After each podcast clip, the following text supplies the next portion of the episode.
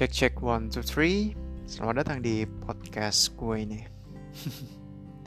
gue masih nggak tahu sih gimana caranya untuk bikin opening, tapi ya udahlah ya. Semoga kalian nggak bosen dengar cerita gue, karena ya di episode kedua kemarin gue agak kacau bikin podcastnya, mungkin nggak on point, mungkin nggak pesan yang gak tersalurkan dan gue asal ngomong aja di situ. Ya bener. Gue emang nggak terlalu banyak persiapan di episode kedua kemarin. To be honest di episode ketiga ini juga sih.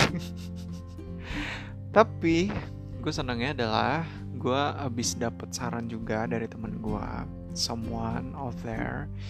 Jauh dari aku dan dia uh, dia juga menjadi bagian dalam hidup gue dan dia ya dia kasih saran yang sangat bagus dan bisa diterima sama gue dan ya semoga bisa gue kembangin lagi dan bisa menjadi saran yang selalu gue ingat. Thank you buat yang jauh di sana.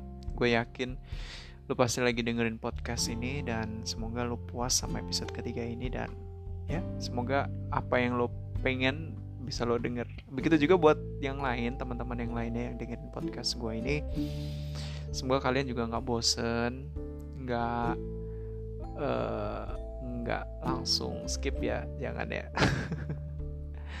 Karena masih banyak banget cerita yang bakal gue share ke kalian sih gitu kan. Dan di podcast di episode ketiga ini gue seneng banget uh, bisa mungkin cerita tentang masa kanak-kanak lagi ya kan. Dan itu adalah cinta monyet ya kan? Siapa yang monyet gue yakin semua dari kalian pernah ngerasain itu. Cinta monyet atau cinta di saat lo masih gak tahu apa-apa di saat lo masih sangat muda. Dan itu yang gue rasain waktu gue SD uh, kejadiannya sih mungkin tiga tahun ya. Maksud gue gue mengalami cinta monyet itu dengan satu orang dan itu selama tiga tahun. Gue masih ingat banget itu kelas 3 eh kelas 4 sampai kelas 6 4 5 6 gitu. Dan dia itu beda kelas sama gue dan prestasinya juga jauh berbeda. Dia pintar banget selalu juara satu dua satu dua dan dia selalu ikut lomba-lomba. Pokoknya kalau sekarang mah dibilangnya gue insecure gitu ya. Tapi waktu itu sih gue bodoh amat. Gue belum kenal kata insecure itu dan gue bodoh amat awalnya gue juga nggak suka juga sama dia gitu kan. Karena teman-teman gue waktu istirahat tiba-tiba uh, jorok-jorokin gue ke dia dorong-dorong terus akhirnya dia juga sama teman-temannya didorong-dorong gitu deh cuman berawal dari kayak gitu. Terus akhirnya gue ya muncul perasaan tertarik gitu kan. Dibilang cinta juga gue bingung juga kenapa cinta. Karena cinta mungkin uh, artinya lebih dalam kali ya. Gue gak tahu ya exactly-nya tuh cinta itu seperti apa. Tapi pada saat itu emang ada sesuatu yang memang gue tuh tertarik dengan dia itu kan. Beda dengan zaman sekarang kalau sekarang itu uh, anak SD juga udah pacaran udah panggil mimi pipi ayah bunda segala macam tapi beda banget sama zaman gue dulu. Kita cuman bisa surat-suratan balas-balasan surat dan yang paling gue inget itu adalah gue nulis satu surat itu pakai bahasa kanji Jepang. Emang gue bisa bahasa Jepang di saat gue SD yang tentu enggak lah.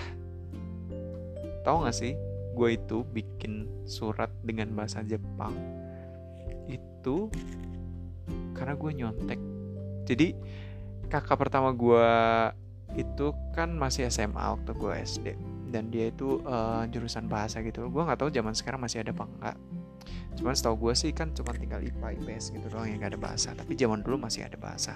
Dan gue lihat salah satu bukunya terus ada buku bahasa Jepang di situ ada huruf kanji terus gue lihat di situ ada uh, paragraf ada segala macam deh. Pokoknya kayak buku aja gitu. Dan itu banyak ditulis dengan bahasa kanji gue contek aja itu kan di surat gitu tanpa harus tahu uh, goresan. Kalau huruf kanji gitu kan harus ada goresannya yang pertama yang kedua yang ketiga kalau gue sih udah gitu niruin aja gitu dan gue nggak tahu sama sekali itu artinya apa.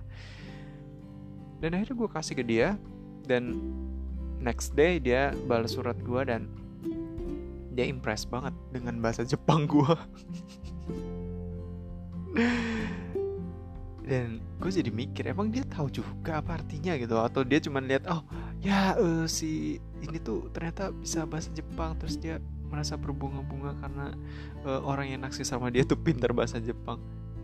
Itu sama sekali ya ampun apaan sih? Gitu. Zaman SD tuh bener-bener kayak gue nggak bisa ngebayangin gitu loh uh, apa yang ada di pikiran gue waktu itu. Dan itu gak cuma bahasa Jepang. Jadi gue tuh kayak ada satu surat juga gue tuh kayak ngasal gitu pakai bahasa apa ya waktu itu?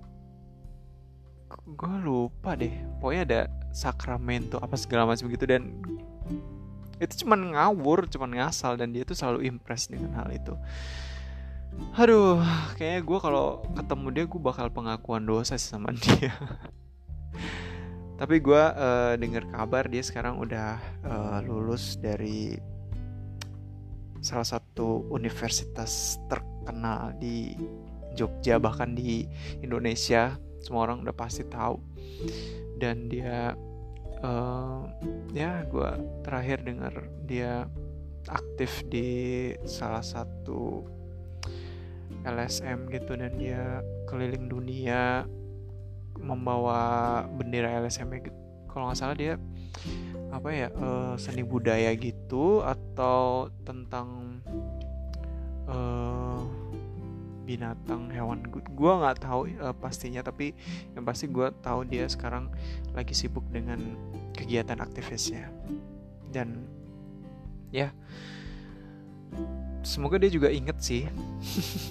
Gue tiba-tiba inget banget mukanya dia seperti apa karena yes itu adalah masa yang menurut gue itu menghiasi hari-hari gue waktu SD dan ya gue seneng akan hal itu. Kalau lo gimana